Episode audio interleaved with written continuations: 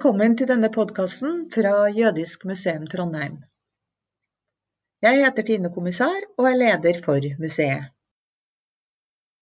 Det du skal få høre nå, er blitt til ved et samarbeid mellom NTNU og Jødisk museum, og handler om hvordan man kan engasjere elever til å fordype seg i et vanskelig tema som antisemittisme. Opptaket skulle opprinnelig foregå på et seminar i museet med 140 lærerstudenter det gikk ikke pga. korona, men vi fikk heldigvis gjennomført det digitalt den 22.1.2021. Vi var så heldige å få med oss fjorårets videregående elev Thelma Sundby fra Elvebakken videregående skole i Oslo, og forfatter Bjørn Vestli. Thelma og to medelever i klassen hennes skrev i fjor en oppgave om antisemittisme i norsk presse, som vant andreplassen i Holbergprisen. De tre elevene ble engasjert i temaet antisemittisme, etter å ha hørt forfatteren Bjørn Vestli fortelle i klassen om pressens rolle under andre verdenskrig. De skrev også en kronikk i Aftenposten og Adresseavisen, som kom den 13.9. i fjor, med tittelen 'Vi ble sjokkerte og rystet over hvordan jødene ble omtalt'. Med dette som utgangspunkt får vi her utdrag fra seminaret med Thelma Sundby, Bjørn Vestli og studenter fra NTNU. Og spørsmålet vi stiller, er hvordan fremtidige lærere kan engasjere elever i arbeid mot antisemittisme. Først skal vi høre Thelma og Bjørns innlegg, og de er satt litt sammen og i sammenheng. Og aller først får vi høre Thelma. Hei, jeg heter Thelma Sundby. Jeg er 19 år og er tidligere elev ved Elbakken videregående skole, og studerer nå sosialantropologi ved UiO. Eh, først vil jeg bare begynne med å si tusen takk for at jeg har fått lov til å komme hit i dag eh, og fortelle dere, eller snakke litt eh, til dere om oppgaven jeg skrev sammen med Live Tveit og Lisa Bakken, som het Ikke kun mellom linjene antisemittisme i norsk presse i årene 1938 og 1939, som kom på andreplassen i Holbergprisen i skolen 2020. Og så snakke litt om kronikken som vi skrev denne høsten, som er på en måte en slags oppsummering av funnene i vårt forskningsarbeid. Som vi syntes var viktig å skrive fordi vi gjerne ville dele eh, det vi hadde funnet eh, på andre plattformer. Så jeg tenkte å begynne med å svare på det spørsmålet jeg har fått, som er hvordan lykkes med å oppnå dybdelæring og genuin utforskertrang gjennom skoleoppgaver. Eh, og da tenker jeg at det mest givende for meg, eh, Live og Elisa, eh, var det at vi fikk lov til å velge oppgaven vår selv. At vi fikk lov til å skrive en oppgave om noe som vi interesserte oss for. Ikke at vi fikk bare tre oppgaver som vi måtte velge mellom en av de tre.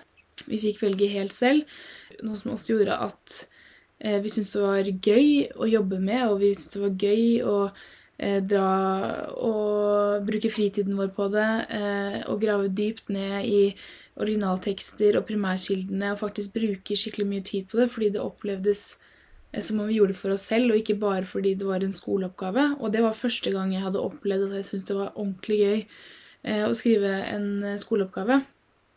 Også fordi at jeg visste at Um, dette faktisk lignet mye mer på sånn man skriver på universitetet. Jeg hadde aldri skrevet en akademisk tekst før, um, og visste heller ikke hvordan man gjorde det, mens nå når jeg har begynt på studiene, så vet jeg i hvert fall litt hvordan det er å skrive en akademisk tekst. Og det var også veldig motiverende når vi uh, jobbet med den oppgaven, at vi ble tatt um, seriøst, og at det var Eh, en skikkelig ordentlig eh, et ordentlig forskningsarbeid, ikke bare en vanlig skoleoppgave som kun lærerne skulle se på. Eh, og det hele begynte vel Eller det begynte høsten 2019, da Bjørn Vestli hadde et foredrag på Elvebakken. Um, han fortalte om den nye boken sin 'Det norske jødehatet'. God dag. Mitt navn er Bjørn Vestli, forfatter og historiker. Takk for, at, eh, for, invitasjonen og for dette arrangementet. Ettersom jeg skal snakke om aviser og presse, jeg kanskje, bør jeg også nevne at jeg eh, har vært journalist i mer enn 30 år, før jeg for alvor skiftet beite, og har etter hvert også tatt en doktorgrad i historie. Denne relativt korte forelesningen eh, skal bl.a. handle om forholdet mellom jødehat, tekster og handlinger under okkupasjonsårene 1940-45. Temaet, som dere forstår, eh, handler om eh, antisemittisk propaganda i noen norske aviser, og mest av alt Nasjonal Samlings eget pressebyrå, Norsk artikkeltjeneste, forkortet til NAT. Til de som er interessert i det, så er en, en, ATs arkiver er da i Riksarkivet i Oslo. Og ingen hadde brukt dette, dette arkivet tidligere, når jeg gikk i gang. Til slutt skal jeg si noe om oppgjøret i pressen etter 1945. Eh, og da fortalte han om hvordan avisene eh, trykket antisemittiske tekster under okkupasjonen. Hvordan NS presset avisene til å trykke jødefiendtlige tekster eh, skrevet fra deres eget prestbyrå, eh, Norsk Artikkeltjeneste. Det er et faktum at så mange som 114 aviser som før krigen ikke var nazistiske, kom ut under hele denne perioden, da Norge var underlagt et tysk-norsk nazistisk regime. Avisene ble etter 1940 drevet videre med hjelp av et stort antall pressefolk som ikke var nazister, og med eiere som heller ikke var nazister, men som vel å merke tjente grovt under krigsårene fordi de faktisk kom ut. Jo færre aviser, jo flere aviser eh, var det som tjente gode penger. og det var jo også slik at uh, avisopplagene økte under krigen. Avisene var uh, nazistenes viktigste propagandakanal rettet mot det norske folk. Radioene var jo inndratt for alle andre enn nazister. Sist, men ikke minst bidro disse avisene til å spre usedvanlig grov og brutal antisemittisk propaganda, noe som i liten grad har vært et tema etter 1945 eh, når avisene har blitt studert. Høyre-politikeren og stortingspresident Jo Benkow har også uttalt seg om antisemittismen i avisene etter 1940. Og før han klarte å flykte, han var jo av jødisk opphav. Han skrev bl.a.: De avisene jeg leste i krigens første år, og den propaganda jeg ble utsatt for, virket så sterkt på meg at jeg kunne ha risikert å bli antisemitt selv dersom jeg i motsetning til andre ikke hadde visst bedre. Nasjonal Samling fikk i morgengave av tyskerne ansvaret for presse og kultur fordi partiet stilte seg til rådighet for okkupantene. Og NS opprettet da eh, det som het Kultur- og folkeopplysningsdepartementet. I dette departementet opprettet NS pressebyrået Norsk Artikkeltjeneste. Og deres antijødiske artikler spilte en viktig rolle Eh, med nazistisk og, og antisemittisk innhold, som jeg allerede har sagt, og skulle bidra til å endre landets aviser. Og det var NAT og artiklene fra dette byrået som pirret min nysgjerrighet, noe som igjen ble til denne boka her, 'Det norske jødehatet presse og propaganda under okkupasjon'. Det var NS egen presse- og propagandaavdeling som produserte artiklene for NAT som begynte å komme til avisene hver dag fra 8.1.1941. Og Det ble også med et påbud, om at de skulle trykkes. Tvangstiltakene overfor avisene utviklet seg med styrke når det gjaldt omfang av propaganda og sensurtiltak i løpet av 1941. Det første det hører med til bildet her, at det, det første tyskerne gjorde da de kom til Norge, i 1940, det var at de tok kontroll over en norsk telegrambyrå og NRK. Det var det viktigste i første omgang. Og så senere så ble det altså eh, grep, tok de grep om avisen også. Eller rett og slett, de, de brukte NS til å få kontroll på avisene. Eller at de i hvert fall trykket noe av det de ville at de skulle trykke. Og NAT eh, betydde svært mye, for, eh, og, for etter alt å dømme ønsket NS å få til en slik språklig politisk vending som det tyske nazipartiet hadde klart å skape i, i Tyskland. Det skulle skje en såkalt arifisering av språket. Jøder skulle forsvinne fra tekstene i den forstand at de, at de skulle skrive om jøder, men da bare negativt. Og NAT skulle bidra til nettopp dette. Norsk artikkeltjeneste skrev ikke bare om jøder, men jeg vil anslå ut fra de artiklene jeg har lest, så er det mer eller mindre noe negativt eller hatefullt om jøder i 75% av artiklene. Noen er mer dominert av jødehat, andre er bare nevnt noe innimellom. Tyske og norske nazister brukte antisemittismen som, en forklaringsmodell for å tolke den pågående verdenskrigen, samtidig som de også ville rettferdiggjøre sin politikk med at det var en nasjonal og rasemessig forsvarskamp. Slik kan vi si at NAT også dokumenterer med tydelighet NS jødehat. NATs retorikk mot jøder bygger bl.a. på konstruerte fortellinger, fiendebilder og kategorier som kan deles eh, inn i følgende, bl.a. At jøder streber etter verdensherredømme, som de da ikke allerede har det. Eksempelvis sitat, Jøder kontrollerer byer som Moskva, Wien, Prag, Paris, London og New York. Og at jøder sikrer seg makt og innflytelse ved å konspirere. Eksempelvis Jødene behersker verdenspressen og forlagene, og jødene behersker de politiske partier i de fleste land. Det høres jo litt merkelig ut eh, sånn nå i ettertid at de hadde slike forestillinger, men det hadde de. Og at jøder og bolsjeviker egentlig er ett og det samme, såkalte jødebolsjeviker. Eksempelvis den marxistiske og jødebolsjevikiske infeksjonen er et uttrykk som også de brukte. Her er det også lagt inn fakt noen ekstra faktorer, nemlig at jøder er bærere av farlig smitte. Det er noe som går igjen. En annen viktig påstand var at jøder ikke er helt mennesker, men at de er mer dyr i form av ulike varianter av metaforer der demonisering og antisemittismen ofte blir koblet. Eksempelvis jøder ble sammenlignet med ubehagelige dyr som f.eks. djeveledderkopper, ja, det er faktisk et ord de brukte, og rotter. Hensikten med slike metaforer var at mottakerne skulle tenke på dyr og ikke på mennesker når de forestilte seg jøder. Ikke bare, ikke bare søte, pene dyr, men rett og slett de, de verste av de alle. En rekke artiklene tok i bruk ordsammenstillinger som jødekapitalistvelde, jødeinfiserte bolsjeviktilbedere og plutokratbolsjeviker. Jødeplutokratisk var et begrep som NAT brukte i stor monn for å definere en av sine mange navnløse fiender. Plutokrati defineres som et rikmanns- og pengevelde. Man vil også altså spre en forestilling om at jøder var veldig rike. Hvordan hetsen mot jøder foregikk under krigen, er langt fra et uaktuelt tema når vi i dag legger til grunn hvordan hatspråk, rasisme og jødehets sprer seg om seg som en farsott i mange land. Naturligvis kan ikke situasjonen i dag sammenlignes direkte med situasjonen under krig krigsårene, men i dag kan hets spres langt mer effektivt og til mange flere enn en gang. Nettet er en viktig distribusjonskanal for hatefull retorikk i store deler av verden. Det har vi jo for øvrig sett også i denne pågående striden i USA, at eh, de mest høyreekstreme bruker jo nettopp nettet til å mobilisere og til å demonisere alle eh, som de er motstandere av. Det du har fått høre fra forfatter Bjørn Vestli, er det samme som lærerstudentene fra NTNU fikk på seminardagen. Thelma Sundby og hennes medelever fikk høre et tilsvarende foredrag fra Bjørn da de fremdeles gikk på Elvebakken videregående. Og hvordan reagerte de på denne informasjonen? Verken jeg, Live eller Elisa hadde hørt om dette før, eh, og syntes det var utrolig interessant og veldig rart at ikke vi hadde lært om dette før. Spesielt jeg og Lisa som gikk medier- og kommunikasjonlinjen på Elvebakken.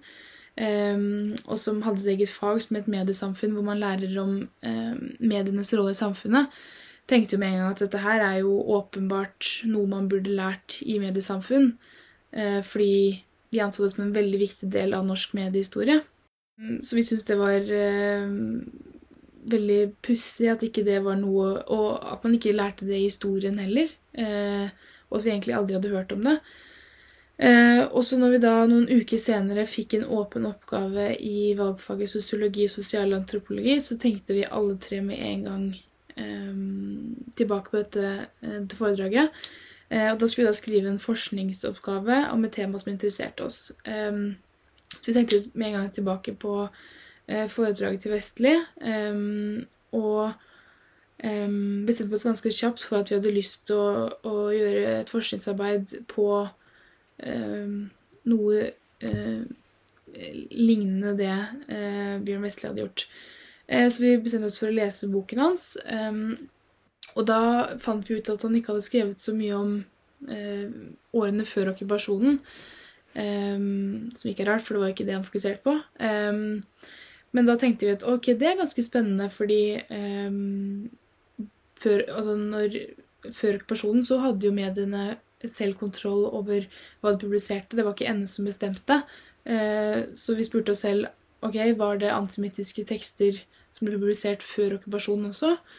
Og vi bestemte oss for å eh, fokusere på to aviser, nemlig Adresseavisen og Aftenposten, fordi Eh, det var to store aviser fra to store byer i Norge, nemlig Trondheim og Oslo. Og kanskje mest fordi at det var de to byene hvor det fantes synagoger, og derfor hadde størst jødisk befolkning. Og jeg tenkte at det ville være mest interessant å se hvordan jødene ble omtalt der hvor det ville påvirke det mest. Eh, så, og så tenkte vi tilbake på foredraget til um, Bjørn Wesley, eh, hvor han, fortalte, hvor han um, oppfordret oss til å dra på Nasjonalbiblioteket og lese i originaltekster. Um, så det vi gjorde. Vi dro, dro, til Nasjonalbiblioteket, og så skrev vi inn uh, årstallene vi hadde valgt, 1938-1939, og Aftenposten Adresseavisen, og så søkte vi på jøde. Uh, og da kom det opp alle artikler hvor jøde hvor ordet jøde eller sammensetningen av ordet ble nevnt. Um, og det var veldig gøy. Jeg hadde aldri vært på Nasjonalbiblioteket før. Um, og det anbefaler jeg faktisk uh, uh, at man tar med videregående elever på. Eh, eller anbefaler dem å dra dit, fordi det var skikkelig gøy. Selv om jeg ikke kanskje skulle skrevet en oppgave, så hadde jeg syntes det vært interessant å sitte og lese i gamle avisartikler. Da får man på en måte et bilde av hvordan ting var før. Um, og kanskje det også da som Bjørn Wesley sa, eh, kan inspirere deg til å komme på et godt tema, eh, på noe du kan skrive om. Så man kan gjerne dra dit før også man har begynt å skrive. Eh, men vi dro da etterpå, da. Og da fant vi hundrevis av artikler som vi leste oss gjennom, og valgte på en måte tre hovedtemaer å skrive om i forskningsprosjektet vårt. Og det var eh, jøden som fiendtlig mot staten, eh, bruken av begrepet jødeproblem, og eh, jøden som en trussel mot eh, kristendommen, altså antijudaisme.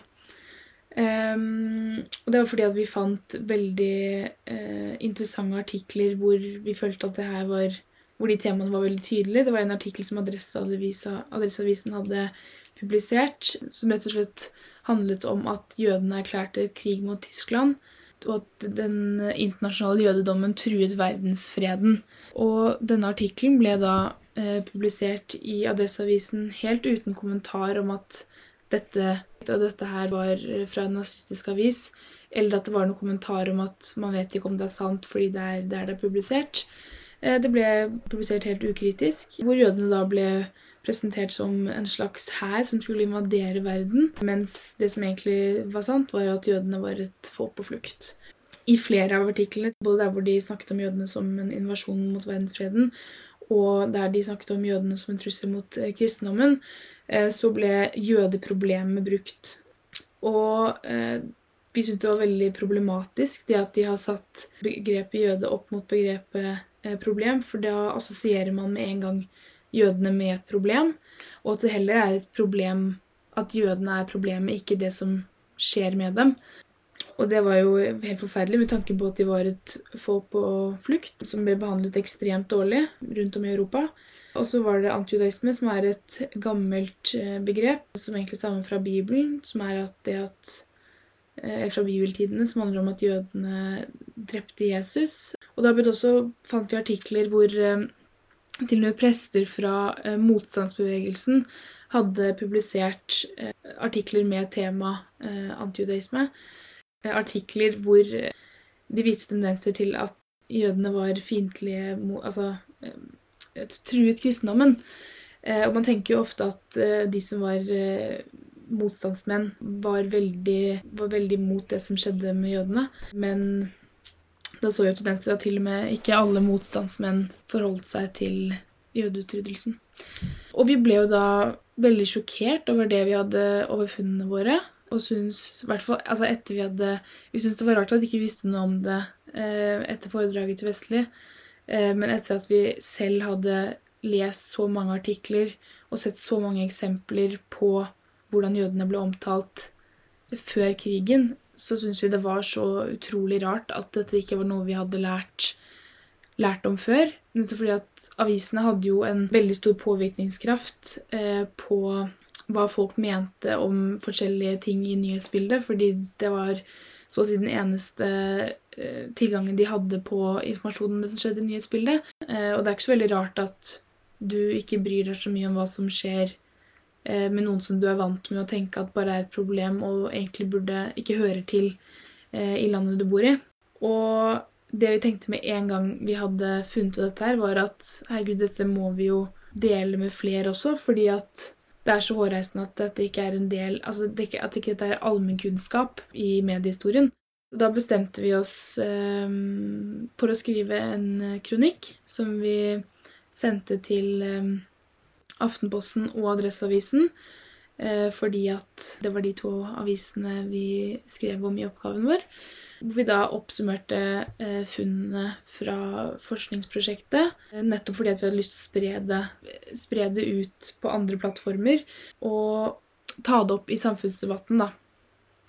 Og vi fikk eh, veldig mange tilbakemeldinger fra veldig mange forskjellige folk, bl.a. folk med jødisk bakgrunn som var utrolig glad for at vi hadde tatt opp dette på dagsordenen, fordi de opplevde at, at folk på en måte hadde At ikke folk trodde på at dette fortsatt var et problem i dag.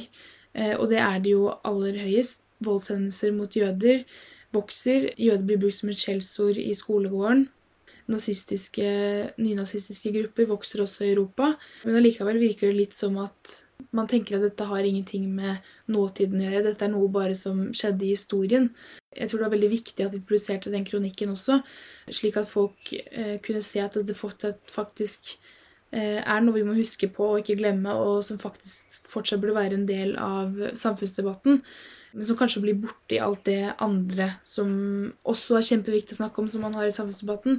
Men at det er viktig at man ikke glemmer dette her også, spesielt når det er et voksende problem eh, i dag. Og fordi at man kan se tendenser til det eh, mot andre minoriteter. Eh, og selv om ikke det er like tydelig eller på samme måte som Eh, mot jødene, så er det fortsatt tendenser til det. Og det er Jeg tenker at når jeg sitter på den, sitter på den informasjonen jeg har nå om hvordan mediene skrev om jødene før okkupasjonen, så vil det føles helt feil å ikke skulle dele det og, og bruke min stemme når man ser tendenser til det eh, også i dag.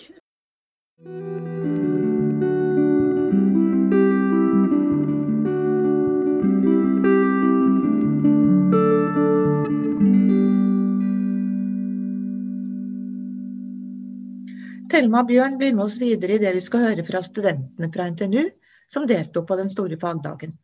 Studentene kommer nå til å presentere tre ulike undervisningsopplegg som de ble inspirert til å lage i forlengelse av temaet om antisemittisme før og under andre verdenskrig. Thelma vil kommentere på de to første, og Bjørn kommenterer på den siste. Først ut av studentene er Sondre og Julie. Og før vi sender deres forslag til undervisningsopplegg, så vil jeg bare informere om at studentene hadde veldig kort tid til å fremstille sine skisser og ideer. Gruppa her hadde basert seg på de såkalte kompetansemålene for grunnskolen. Bl.a. om at elever skal drøfte hvordan ideologier og interesser kan sette preg på hva som blir opplevd som fakta og sannhet. Og de skal også kunne drøfte virkningene av sentrale konflikter på 1900- og 2000-tallet. Bl.a. hvordan holdninger og fordommer kan bli påvirket. Vær så god, Sondre. Hele opplegget vårt skal bunne ut i en poster, altså en veggavis, om hvordan antisemittisme eller lignende hatbevegelser opptrer i dag, og relatere det her til antisemittismen under andre verdenskrig. Og da vil vi at de skal se på likhetstegn og forskjeller fra antisemittismen fra andre verdenskrig. Og da tenkte vi å introdusere hele opplegget. Dette blir da en lengre periode hvor vi starter egentlig med å introdusere denne oppgaven. Sånn at de kan tenke litt på hva de har lyst til å gjøre gjennom hele perioden. Start helt med en sånn uh, think, pair, share-oppgave, hvor de får utdelt noen lapper. Og hvor de da får ordet antisemittisme og skal skrive ned sine tanker om det på den lappen. Og for så å gå sammen og diskutere når de har gjort det, da, sammen med en medelev. Og da skal den første delen av den perioden handle om holocaust og jødehat.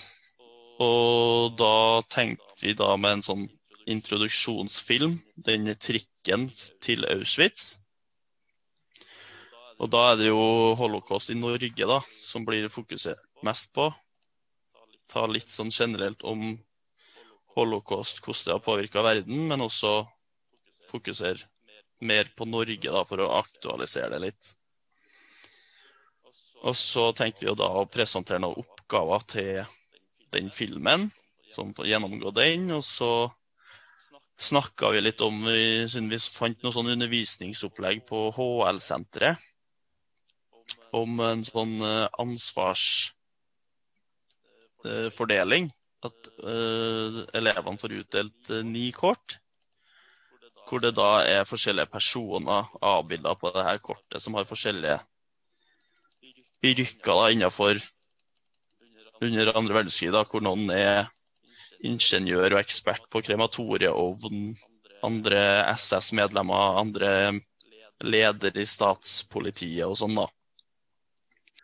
Og så går vi over da til å snakke om eh, hvordan det er i dag med white supremacy og hatbevegelser som opptrer i dag, sidene. Men også kanskje snakke litt om motsatsen, da, som Black Lives Matter og dem som står opp imot dette her, da. Og så tenkte vi også på det å samarbeide med andre fag, altså tverrfaglighet med tanke på f.eks. engelsk eller norsk, hvor man kan analysere dikt fra holocaust. Et veldig berømt dikt er jo 'The First Day Came' av en som heter Martin eller Magnus eller noe sånt. Jeg husker ikke etternavnet. Men det er veldig interessant, det diktet, da. Og så skal de jo avslutta når de har laga veggaviser, at man har en sånn gallery walk da, hvor klassen ser på hverandres veggavis, og hvor hver gruppe presenterer denne veggavisa. Og Hvis man da skal relatere det til demokrati og medborgerskap, da, så har man jo sammenligna hvordan det er i dag, og fått økt kunnskap om hvordan det er i dag. da.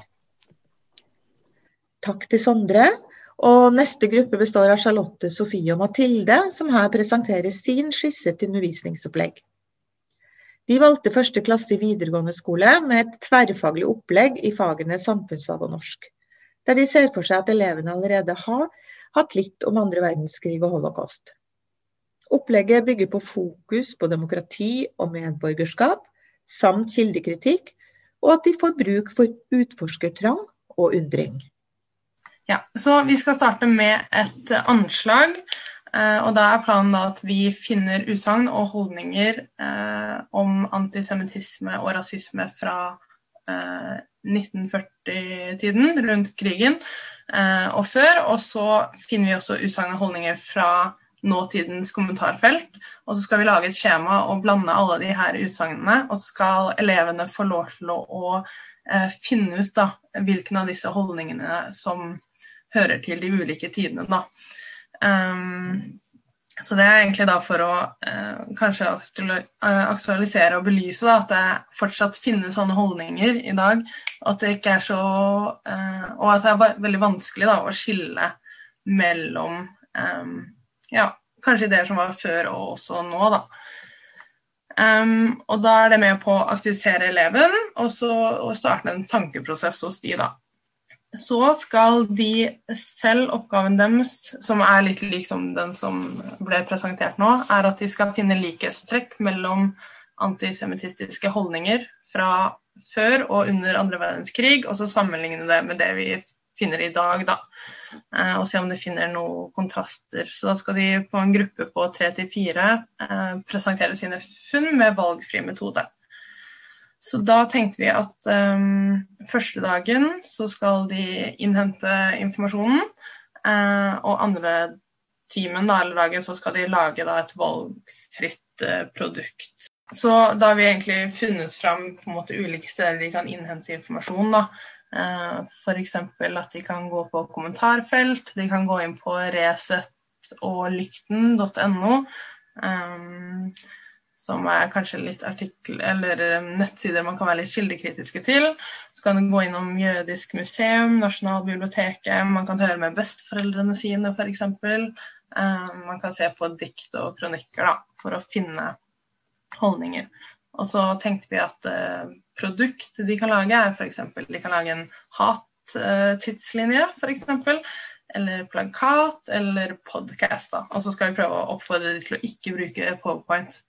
Um, men at de får valgfrihet, da. Ja. Um, og så siden at det fokuserer på retoriske appellformer også, så blir det jo det her norske um, norsk tverrfaglig også, da. Og da, Thelma, er det din tur. Hva tenker du om forslagene? Har de lyktes med å inspirere deg? Uh, ja, det, det, første jeg tenkte på med begge de to presentasjonene, som jeg likte veldig godt, er det at man blander liksom da og hvordan det er i dag. Um, fordi det merka jeg også selv at uh, det er ikke nødvendigvis sånn at man forstår helt um, hvordan det henger sammen før man ser konkrete eksempler på det. Uh, og at man lærer det tidlig. og det husker jeg heller ikke at noen at det var noe som vi lærte i timen på skolen. Og det tror jeg er kjempeviktig for at man både skal forstå hvor ekstremt og farlig det som skjedde var, men også for at man skal forstå hvordan man ikke skal gjenta det igjen, og også hvor ille rasisme er. da. At man lærer på en måte begge noe om, både noe om før eh, og nå. Så det tror jeg er kjempeviktig at man eh, lærer elever. Eh, jo tidligere man lærer det, jo bedre tenker jeg det er. Eh, så det syns jeg var veldig bra med Eh, begge de planene. Eh, og så likte jeg også det at eh, de fikk lov til å velge hvordan de ville presentere.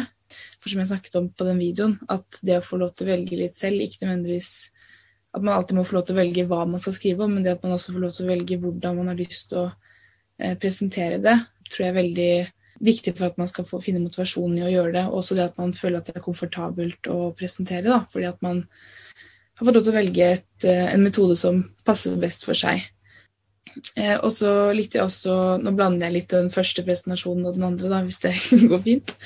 Eh, ja. Jeg likte også det med um, veggavis. Det tror jeg folk syns er veldig eh, morsomt, fordi det er litt kreativt og ikke nødvendigvis bare skriving. Og spesielt på ungdomstrinnet hvor man ikke velger Hvor ikke det er et et valgfag, men hvor det faktisk er et obligatorisk fag som alle har, at det er fint å ha litt annet enn bare skriving, for det er ikke alle som mestrer det å skrive eller eh, nødvendigvis det å holde presentasjon, men det å liksom kunne da gjøre det på en kreativ måte er alltid fint. Da får man liksom med eh, alle.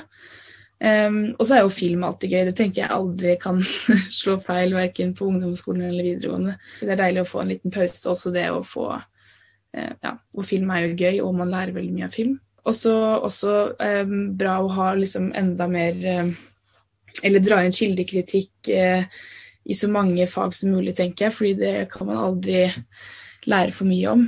Man tror alltid at man kan nå, nå føler jeg at jeg vet hva som er riktig eh, sted å finne kilder, og, og, så plutselig så har man ikke skjønt det likevel og brukt en litt dårlig kilde. Og så, ja, så det syns jeg er veldig fint at man tar inn i så mange fag som mulig, egentlig.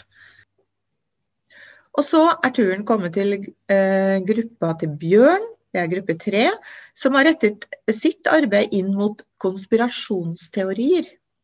Vi har jo på en måte tatt kildekritikk og medborgerutdanning som to veldig sentrale komponenter liksom, i arbeidet, det som på en måte ligger til grunn for den måten vi tenker å arbeide med det her på kan jo først si at vi, vi, har, vi, ser for oss at dette her er en undervisningsøkt, eller kanskje flere undervisningsøkter, som skjer i kontekst av et større arbeid med andre verdenskrig og holocaust.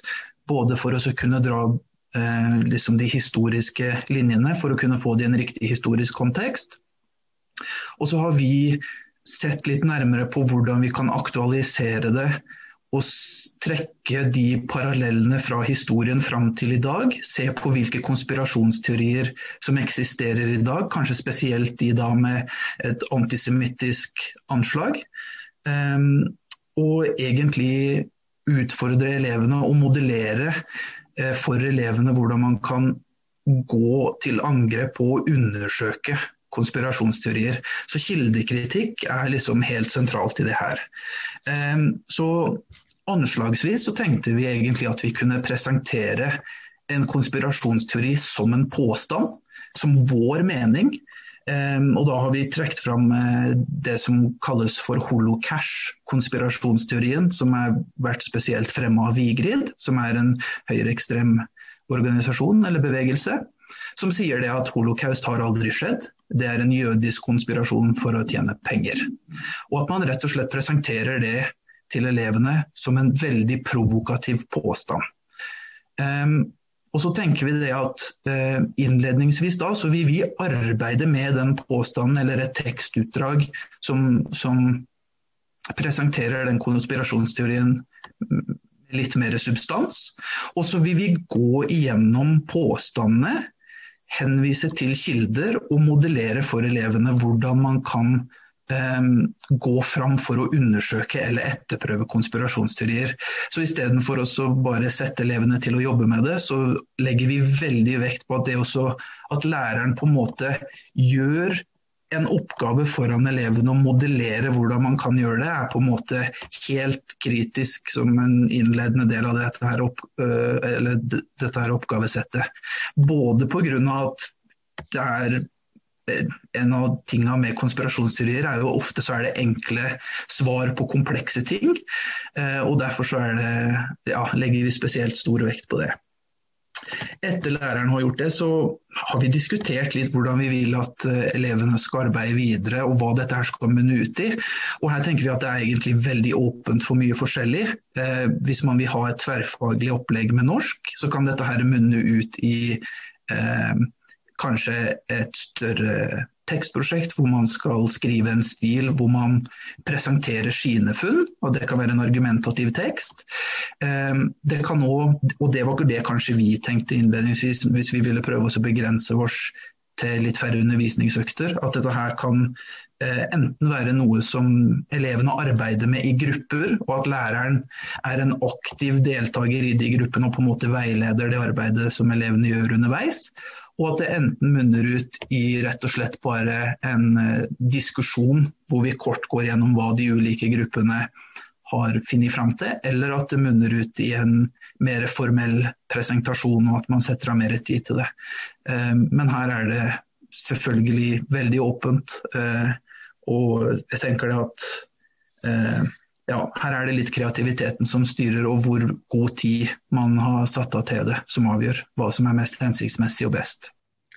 Og så vil vi sparke ballen over til deg, Bjørn Vestli, og høre om du har noen tanker om et slikt kildekritisk arbeid. Jeg syns det var veldig spennende, interessant. Eh, jeg fikk noen tanker. Eh, jeg har jo hørt på noen av de andre gruppene også, og jeg tenker at eh, altså, Det høres jo litt gammeldags det ut, jeg skal si, men det, for, for, det så være. Men eh, det er, det er, veldig lurt å også gå til si, bøker. Altså bøker. Altså ikke bare søke eh, kunnskap om annen verdenskrig og eventuelt 1930-tallet på, på, nettet. Og det finnes jo uh, veldig På biblioteket hos dere så har dere jo det et kjempefint stort bibliotek på NTNU. Og der er det bøker som uh, har skrevet om 1930-tallet, som er, kan være nyttige også som et sånt bakgrunn uh, for dere. Og så forsøker jeg også å si det til studentene. Jeg vet at det er vanskelig å si det sånn. Jeg har selv en Min yngste datter går på skole, og det er, det er nettet som gjelder, liksom, å søke. Og der er mye rart på nettet, som dere vet. Men jeg syns det var veldig spennende med denne, eller en, en annen form for eh, på å si konspirasjonsteorier bruke det. Eller, eh, på en måte en, en Det er også en, en, Man kan også tenke seg at man kunne foreta en test av kunnskaper.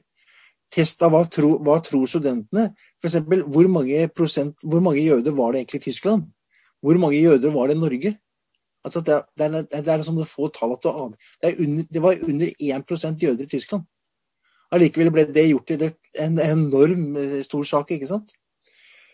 Eh, sånn at det er eh, sånn at, så, Sånne ting kan man også gjøre. Man kan stille studentene spørsmål kan jeg tenke meg, for, at, for å teste kunnskap. Og, og, på den måten lærer man jo også. ikke sant? Noen få enkle spørsmål det kunne være en mulighet. Eh, en annen ting er jo at jeg tenker på dette med i forhold til det med, med, med nett, nettkunnskap, som jeg er litt opptatt av dette. For dette har jeg jo, har jeg jo undervist i, undervist jeg også på med journaliststudenter på Oslo OsloMet.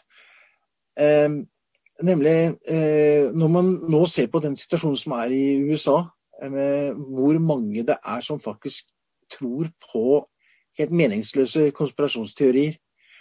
Og når, de, når, når man har stilt spørsmål til disse menneskene som tror på både det ene og det andre, og f.eks. at at ikke Biden valgte eh, valget osv., men andre ting også, så er det jo nettet de henter opplysningene sine fra. Altså Bare det. ikke sant? Så det, jeg synes det der med å også føre ned et, et, kritisk element i forhold til det med å bare søke kunnskap på nettet, syns jeg også har vært lurt. Ikke minst i disse sakene her, i disse spørsmålene her. For holocaust er fylt opp med konspirasjonsteorier. Ble det faktisk en høyesterettsdom som er veldig viktig, hvor en, en dame ble dømt eh, etter å ha hetset en somalisk jente. Og blant De tingene de blant annet brukte, som hun blant, annet brukte mot uh, somal somaliere, var jo kakerlakk-begrepet. Altså, veldig, mange av de, uh, veldig mange av disse uh, det, er, er, er, oppfatninger om mennesker som ikke er hvite og norske, som, som også er ganske, ganske likt det som var på 30-tallet. Altså, historie er nåtid. Er, måte, er, er, et eh, slagord som jeg syns er eh, viktig for dette faget. Og det sa forfatter Bjørn Vestli. Det er mye mer som kunne blitt sagt, og mye mer som ble sagt. Men vi hadde lyst til å presentere bare noen smakebiter om hvordan man kan undervise om holocaust i denne podkasten fra fagseminaret som vi arrangerte sammen med NTNU. Og med det så runder vi av og takker så mye til Bjørn Vestli, Thelma Sundby og Institutt for lærerutdanning på NTNU ved Kristian Skotnes og studentene på faget. Etter hvert kan du finne flere podkaster fra oss, så følg med. Du kan lese mer om oss på jødiskmuseum.org.